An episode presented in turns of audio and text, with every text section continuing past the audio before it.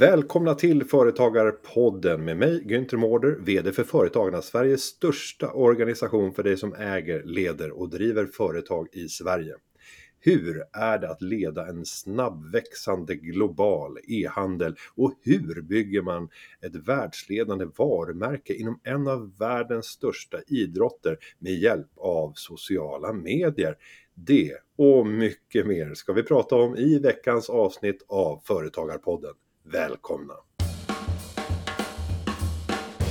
Sedan starten 2015 har de byggt ett framgångsrikt och prisbelönt företag och varumärke som gjort stort avtryck i branschen. Vi säger varmt välkommen till Johanna von Sydow, VD och grundare av Equestrian Stockholm. Välkommen! Tusen, tusen tack! Vilken eh, fin, eh, fin introduktion.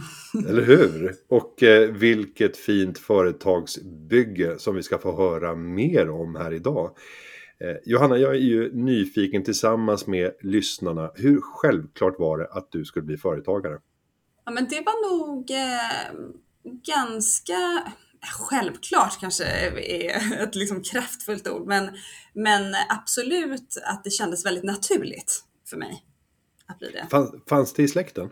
Ja, men jag skulle nog säga att min pappa är ju väldigt entreprenöriell eh, och har startat olika liksom, sidobusiness och även nu driver företag och så. Så att det finns nog absolut lite i generna.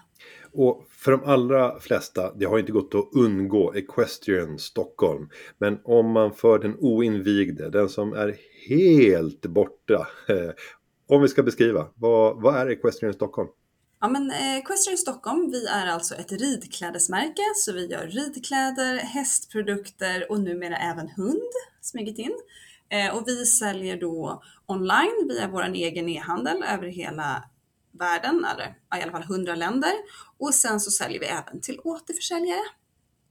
Och det här började, och det här började 2015. Och idag så finns ni världen över. Och om vi börjar att ta oss tillbaka några år och börjar fundera över de där åren kring 2015 inför uppstarten. Vad var det som triggade dig till att eh, ge dig in i den här marknaden? Ja, men först, jag är ju så, kanske inte så konstigt, jag är ju gammal hästtjej eh, såklart, så att jag har ju verkligen eh, varit inne i den här sporten. Eh, och först hade jag ju tänkt bli ryttare, men sen så började, alltså med tiden, när tiden gick så började mina liksom framtidstankar ändras över tid. Eh, och då började det här med företagande och just då ridkläder komma upp. Och på den tiden fanns det inte riktigt någonting som tilltalade mig som målgrupp, utan allting såg ganska likt ut. Det fanns inte det här med färg och form och lite vilka typer av material man tittar på idag till exempel. Eh, så det var då, jag började se så här, hmm, om det, jag tänker så här, då kanske det är fler än jag som tänker precis som mig. Och hela ridbranschen har väl varit kantad av väldigt starka traditioner och det ska vara det konservativa. Jag ser bara på i tävlingssammanhang hur likt och hur strikt allting är. Eh, vill ni utmana det där eller vill ni se annorlunda på det? Berätta. Ja, men både och. Alltså det är ju det här vackra tillsammans med hästen, eh, det här samspelet och det. Men, men däremot när det gäller hur vi uttrycker oss med hästen, hur vi jobbar med färg och form, material, kvaliteter. Där vill ju vi verkligen utmana eh, och se liksom. Eh, och det tycker jag också att vi har gjort under de här åren och det är därför jag tror Equestrian Stockholm finns. Och om man ska förstå den här marknaden för att är man i hästvärlden då ser man hur gigantisk den är i världen men också i Sverige. Sverige är en relativt stor marknad och den inkluderar inte bara det som är kopplat till just livet tillsammans med hästen utan långt utanför. Jag ser ju hur hästtjejer primärt om man ska uttrycka sig så också bär med sig sitt hästintresse över i den normala klädseln och det blir en del av modet. Men kan du beskriva hur stor är den här marknaden? Den är ju väldigt stor.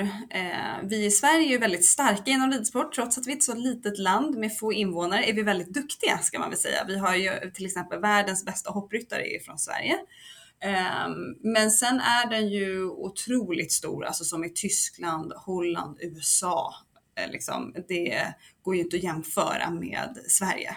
Så det är en väldigt, men en väldigt spännande marknad som det händer väldigt mycket i och just att fokuset är det, den största passionen människor har, just hästen. Och det är ju väldigt spännande att jobba med det.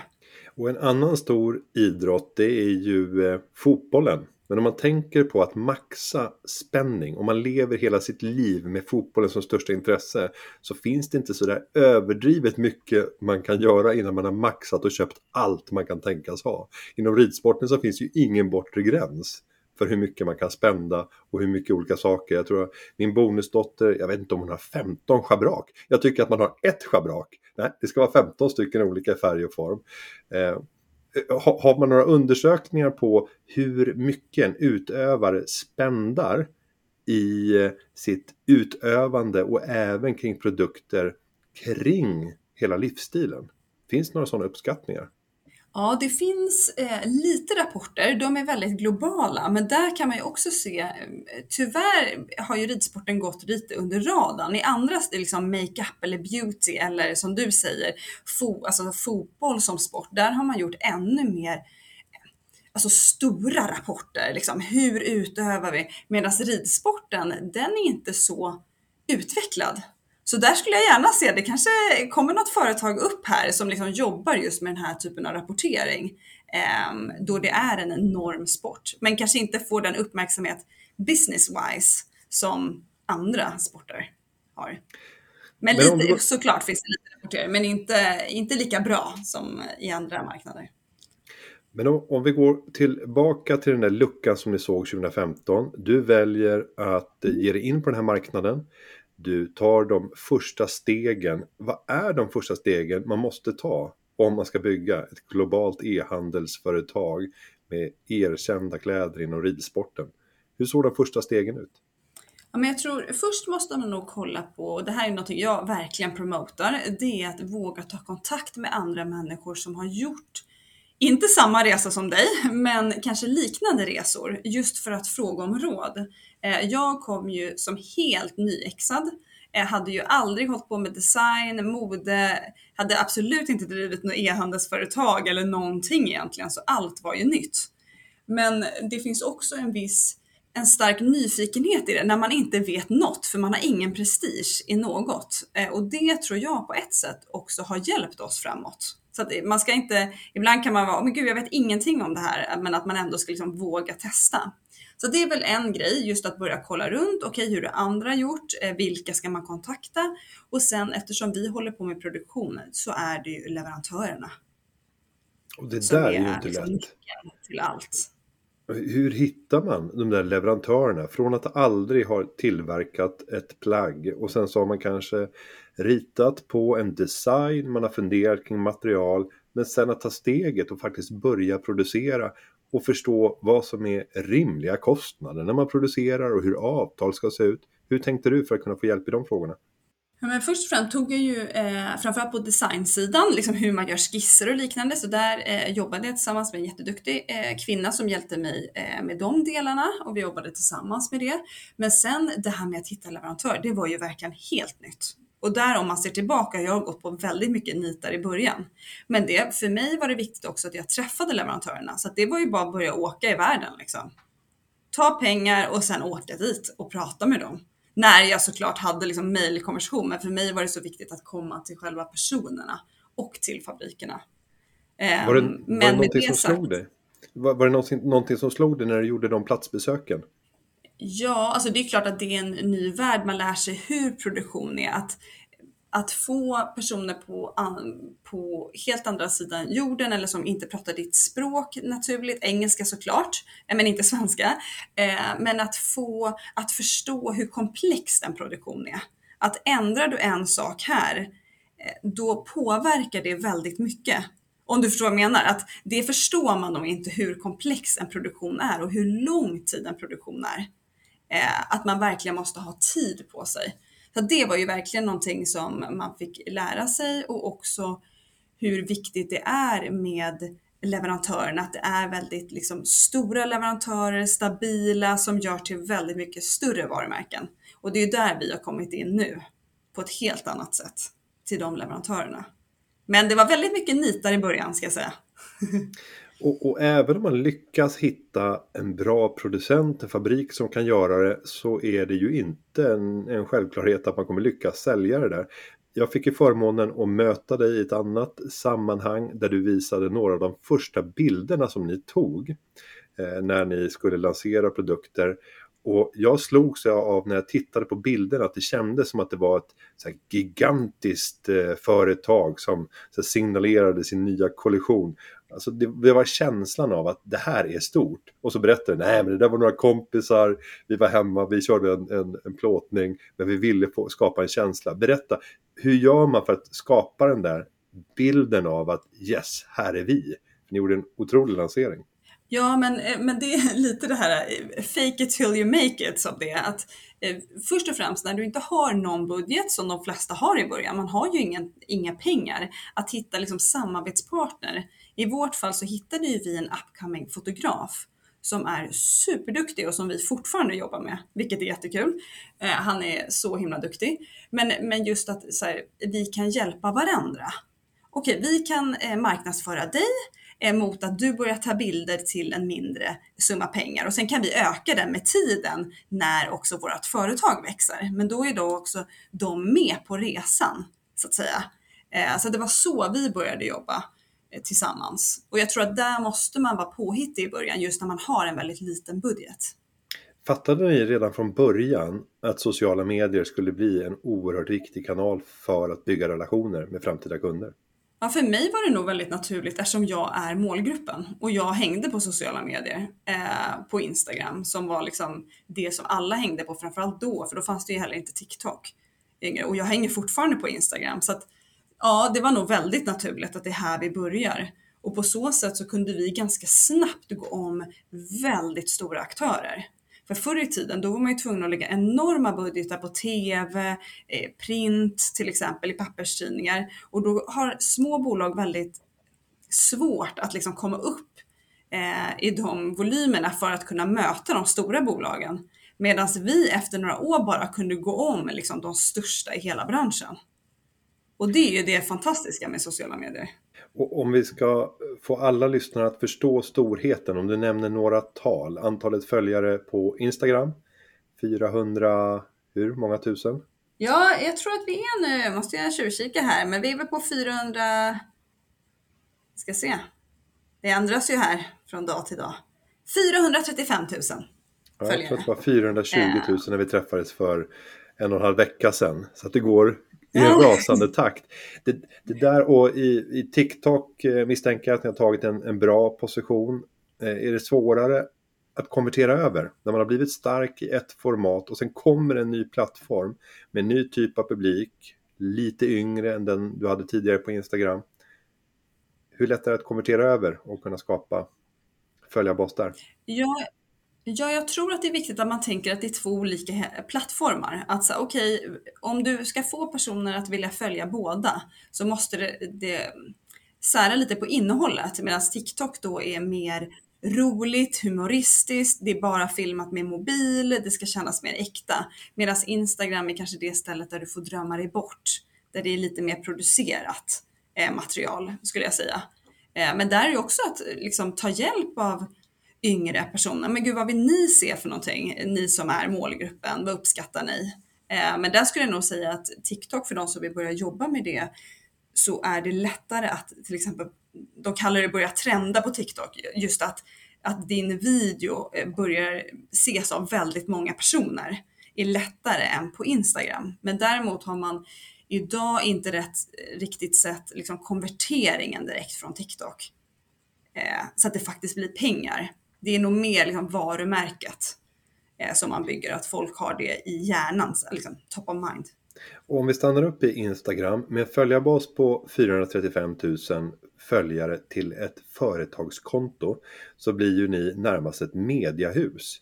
Det här föder möjligheten för rätt många andra typer av affärer och samarbeten där man också kan börja tänka medias intäktsmodell, det vill säga att du får annonspengar för att synas i de här kanalerna. Har ni använt den här kanalen för att också bygga nya affärer med andra aktörer som vill etablera sig mot en likartad målgrupp? Nej, för oss eh, är det väldigt ganska heligt liksom, att inte blanda ihop det, utan våra kunder ska verkligen få drömma sig bort och, och leva i ES-bubblan hos oss, så att det inte ska blanda in någonting annat. Men däremot så ser vi ju att om man ser till vad som det drar business är ju att eh, alla våra, de flesta av våra återförsäljare hittar ju oss genom Instagram. Så vi får ju business på andra sätt. Men jag tror att det är viktigt att man liksom håller på sig, om man säger så att det känns också autentiskt. Men det måste vara frestande om det kommer ett erbjudande och jag misstänker att ni har fått erbjudanden från aktörer inom ridsporten med icke konkurrerande produkter som vill bli positionerade i era, era bilder eh, för att kunna visa upp sadeljon eller eh, något nytt trends eller liknande som ni kanske mm. inte erbjuder men som måste finnas med på bilden för att skapa äktheten. Hur tänker ni där? Ja, men där, där är vi nog lite mer öppna, men kanske att, att det ska kännas autentiskt för oss. Att om vi samarbetar med till exempel ett sadelmärke som vi inte har, ja, men då, då ska det vara ett, som har produkter som vi kan stå för, som vi själva tycker är bra. Som väldigt många och de flesta på bolaget eh, rider ju själva. Så det ska vara någonting vi själva tycker är bra. Eh, då kan vi ha med det. Men jag ser inte det som liksom en sido-businessmodell. Inte för oss i alla fall. Och om vi tänker sen följarbasen och att eh, se till att underhålla dem. Det är ju en sak att göra inlägg, men hur tänker ni kopplat till interaktion?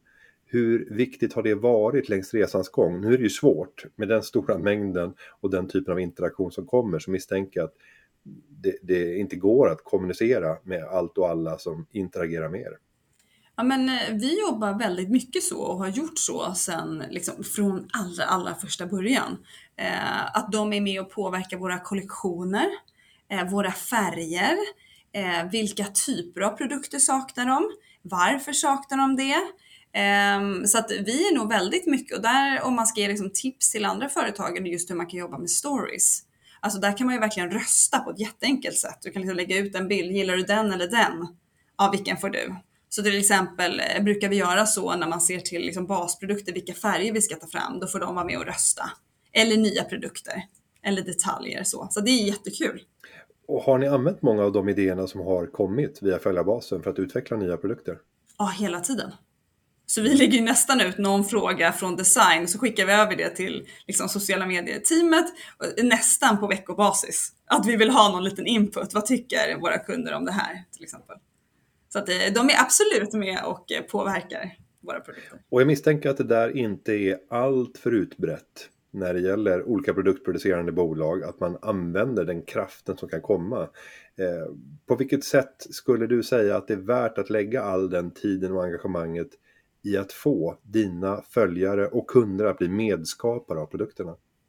Ja, men eh, att man går tillbaka hela tiden. Varför gör vi det här? Jo, alltså i vårt fall, vi vill ju skapa riktigt bra hästprodukter och ridkläder som folk verkligen gillar och uppskattar och vill ha också över tid. Inte liksom, åh det här är hett just i år och sen är det borta, utan att det liksom lever över tid, över många år. Och då är det ju, då är det ju kunderna som ofta vet det eller har superbra idéer. Så att det är ju, det vore ju dumt att inte lyssna på dem.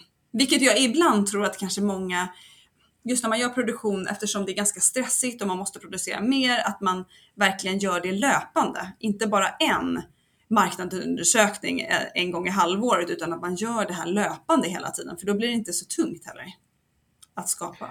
Nästa del handlar ju om alla recensioner som man får i den digitala världen. Eh, där kunder världen över kan lämna sina omdömen hur ska man lyckas positionera sig på ett sådant sätt så att många vill ge omdömen och sen naturligtvis goda omdömen. Det handlar ju mycket om produkten men att bara ge kräver ett engagemang. Det räcker ju inte alltid med att bara ha en bra produkt. Jag går till mig själv. Det är ytterst sällan som jag tar mig tiden att recensera någonting. Hur gör ni för att kunna väcka ett engagemang och få recensioner och förhoppningsvis då väldigt goda sådana? Ja, jag tror för att få goda recensioner, det, det är ju med produkten. Att, och också som jag tycker ibland folk inte glömmer, jag vet ju att alla tycker det här är viktigt, men det är just kundtjänsten. Alltså hur blir man bemött av det här företaget? Hur snabbt svarar de? På vilket språk svarar de? Eh, och där, där har ju, alltså vår kundtjänst är ju fantastiska på det. Och vi har ju också medvetet lagt, vi har en som pratar flytande holländska, vi har en som pratar flytande tyska, vi har en som är helt flytande engelska. Eh, också för att det ska bli en bättre kundupplevelse. Att du får också svar på, på ditt språk, där vi är stora då såklart. Eh, men det tror jag också, det är liksom en viktig del som inte bara handlar om produkten. Och sen så det här med att de ska vilja ge recensioner. Vi svarar alltid på våra recensioner så att de ser att ja, jag blir sedd om jag skriver någonting. Eh, det gör ju också att man kanske vill göra det igen. För någonstans vill man ju ha kontakt med företaget om man lägger en recension. Ja, det är viktigt och eh, ja, ni har fått väldigt många fina recensioner på nätet och sannolikt så driver det väldigt mycket ny försäljning. Men jag tänker att vi ska gå över och försöka förstå drivkrafterna i dig och vilka egenskaper du besitter för att sen analysera själva. Har vi som lyssnar vad som krävs för att göra någon annan liknande resa inom kanske något helt annat område? Vad skulle du säga är den personliga egenskapen som har varit viktigast för dig för att kunna lyckas i det här företagsbygget? Jag tror att en del är nog hur man tar emot motgångar, alltså när det blir som man inte har tänkt sig. Jag tror det är en av nycklarna för att eh, det blir hela tiden så som man inte har tänkt sig. Alltså man har gjort jättebra plan, man kan göra en hur i minidetalj. Men sen sker, sen händer världen, det händer någonting och det blir motgångar. Eh, och det kan vara jäkligt, jäkligt jobbigt. Alltså i perioder. Eh, och hur man liksom tacklar det och att man orkar hålla i i de perioderna. Det tror jag är väldigt eh, viktigt. Och att man liksom tar... håller, håller ångan uppe om man säger. Det tror jag är en väldigt viktig egenskap och försöker göra det bästa av det. Och om vi tar något exempel, vi kan gå tillbaka till den första stora externa lanseringen. Jag vet att det var på Friends Arena. Hästsportvärlden skulle samlas och det fullständigt brakar samman. Vill du berätta? Ja, jag kan ju berätta lite eh, kort om den eh, storyn, men du, för att liksom dra det lite kortare. Vi hade ju då satsat alla pengar. Vi skulle göra den här stora lanseringen av våra ridbyxor. Eh, vi hade då lagt väldigt mycket pengar på den här montern.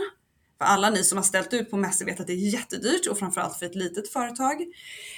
Och jag hade blivit då lovad av våra leverantörer att Johanna, det är lugnt. Du kommer få dina produkter i tid. Och sen så dagarna går, det blir närmare och närmare och de hela tiden flyttar fram det här datumet till att så här, nu är det bara liksom, ja du kommer få det tre dagar innan till att det till slut blev samma dag. Eh, men du kommer få det till mässan, det är lugnt. Och sen så får jag det här samtalet att eh, från då eh, tullen att alla mina varor sitter fast i tullen och de kommer inte hinna komma. Utan de kommer komma då efter mässan. Eh, och det här är ju sånt som såklart man blir superledsen. Liksom, vad gör jag? Ah, världen är emot mig. Allt är ju då eh, pannkaka, för det var ju det här jag skulle göra i montern. Ska jag ha en monter utan produkter? Liksom? Eh, men då så när jag hade deppat ihop där eh, och tyckt lite synd om mig själv så eh, kom jag på då att man har ju alltid såna här provexemplar av eh, eh ridbyxor. Så att, och alla vet ju som har varit inne i fina affärer att där hänger det ju inte tio avsmål utan det hänger ju bara en avsmål. Så jag tänkte, hmm, okej, okay, det skulle jag kunna göra. Jag åkte till lagret, hämtade så att det är en i varje storlek. Och sen har jag ju ett annat problem när man är på mässa eftersom jag är ju en gammal hästtjej och storshoppare. Är ju att det är väldigt tungt att bära på de här påsarna och det är väldigt varmt för det är väldigt mycket personer. Så då eh, tänkte jag att man skulle då, och, och, den tredje problematiken det är ju att det är ganska svårt att hitta de perfekta ridbyxorna. Det är lite mycket, man måste verkligen testa, man kanske får, behöver ha lite hjälp så att det går snabbt. För det är ganska jobbigt att prova byxor. Så då så la jag ut att nu kunde man då beställa tid. Man eh, kunde boka tid hos oss och då få eh, ridbyxprovning helt enkelt. Och få hjälp av en person helt själv, liksom få superservice. Och då kunde man då beställa tid hos oss och inte nog med det så fick man då sina ridbyxor hemskickade direkt i brevlådan efter mässan. Helt kostnadsfritt. Det låter ehm. helt självklart. Uttänkt. Ja, och då, ja. och, då, och det här blev ju jättepopulärt och det här, du vet, folk började skicka in så att, Eh, och boka tid och vara supernöjda. Så att det här är ju lite att man tar en, en motgång men liksom försöker vända det till att ändå bli någonting bra och ändå känns genomtänkt. Så.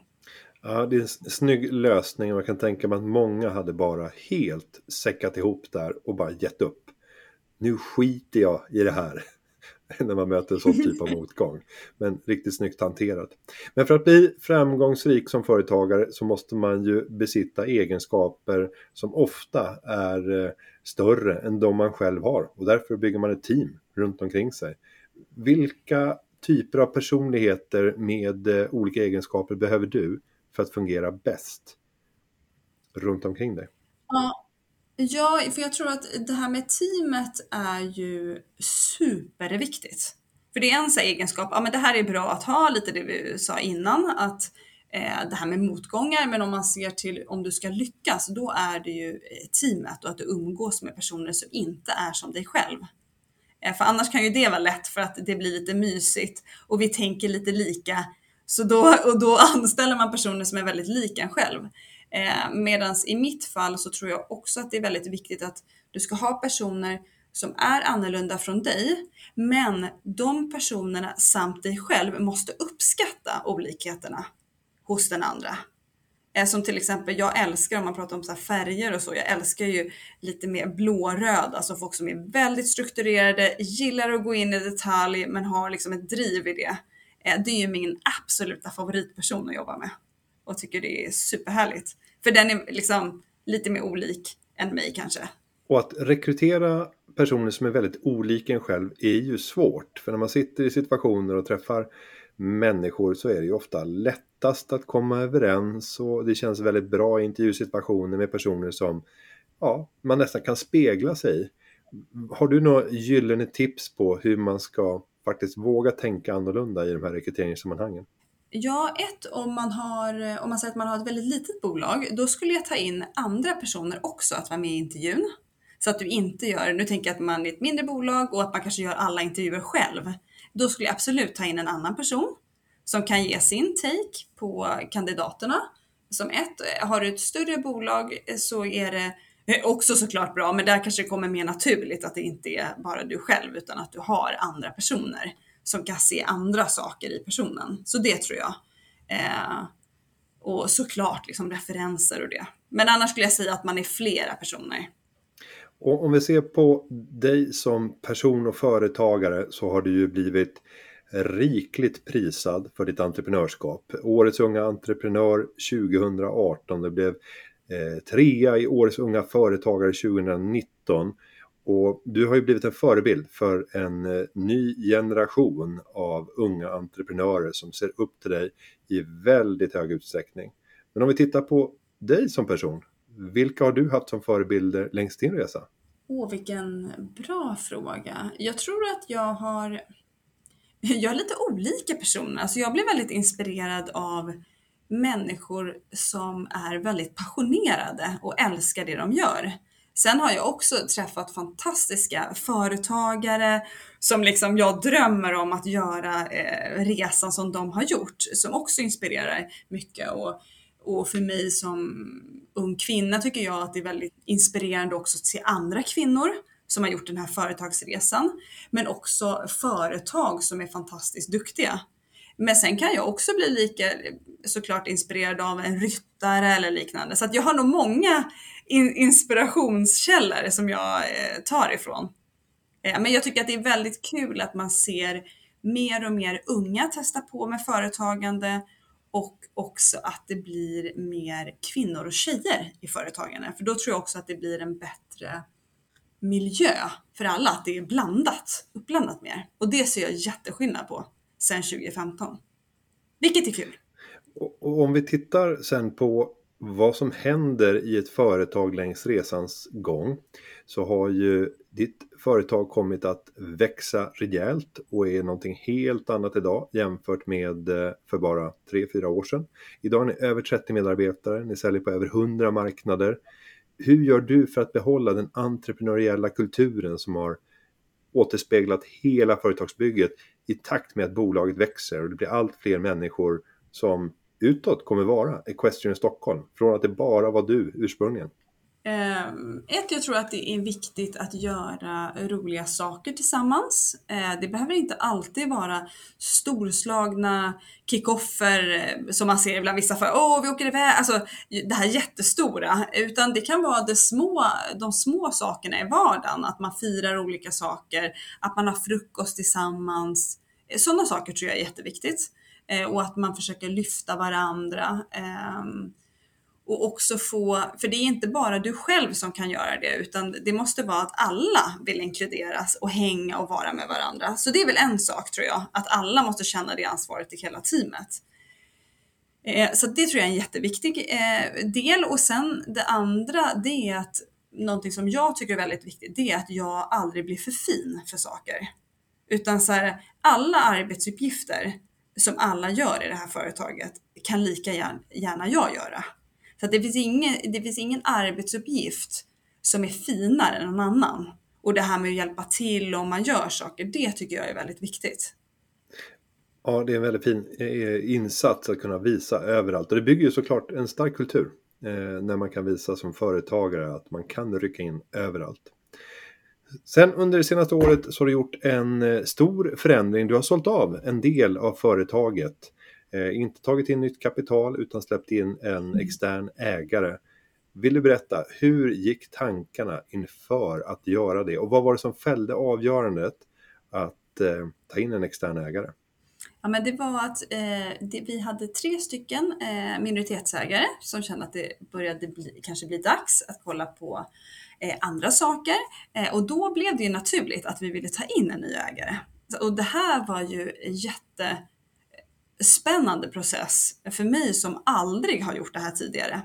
Eh, och då hade jag ju lite tur för jag hade ju världens bästa mentor, en otrolig affärskvinna som heter Susanna Campbell, som jag hade, som jag rådfrågade mycket med.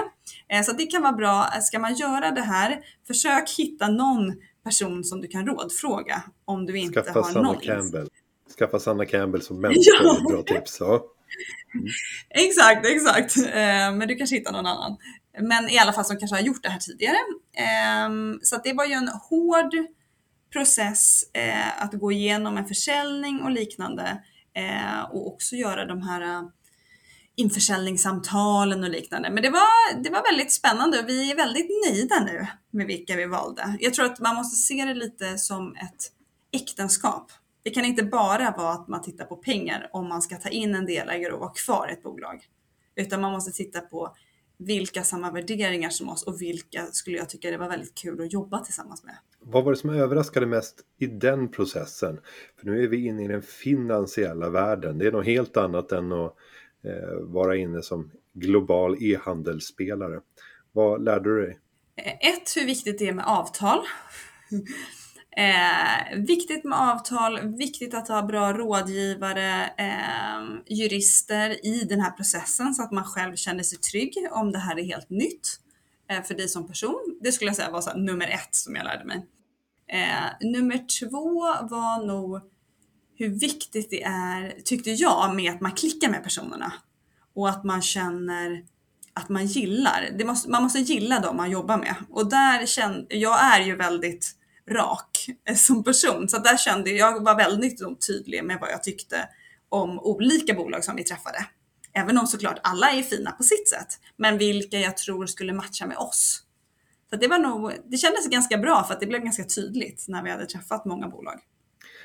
Och om vi nu vågar blicka framåt. Jag misstänker att det hade varit svårt att beskriva för dig 2015 vad du skulle vara 2023. Men om du tvingas tänja och spänna bågen och säga om fem år från nu, 2028, var befinner sig Equestrian Stockholm? Ja men då är vi eh, då önskar ju jag att vi ska vara ett av de ledande eh, globala varumärkena i våran bransch. Vi ska fortsätta leda trender med nya material, nya produkter eh, och vara ett, liksom, en bra arbetsplats och ett tryggt företag. Alltså ett med goda finanser. Det är väldigt viktigt för mig eftersom vi också alltid har växt organiskt och inte tagit in kapital. Så det vill jag att vi fortfarande ska vara. Eh, men med, med ännu högre omsättning och ännu högre vinst. Det låter som att det kommer bli produktbreddningar. Det är det jag hör mellan raderna. Mm. Ja, det, är, det ska bli spännande att följa den fortsatta resan och det känns som att det här eh, bara är startgroparna även om jag tänker att det känns som en livstid för dig som har varit mitt uppe i det. Så i ett större perspektiv så är det fortfarande ett ungt bolag men på en global arena. Johanna, jag vill säga stort tack för att du gästade Företagarpodden. En sann inspiratör och en förebild för många. Stort tack! Tusen tack för att jag fick vara med. Och jag ska säga att vill du ha mer tips kring hur du kan utveckla ditt företag så kan du gå in på företagarna.se under fliken driva eget. Där finns massor av inspiration, intervjuer eller gå tillbaka och lyssna på tidigare poddar och hitta nya favoriter att inspireras av. Klippningen av podden är gjord av Petra Chu och underlaget är gjort av David Hagen. Vi hörs igen nästa vecka. Ha det så bra. Hej då!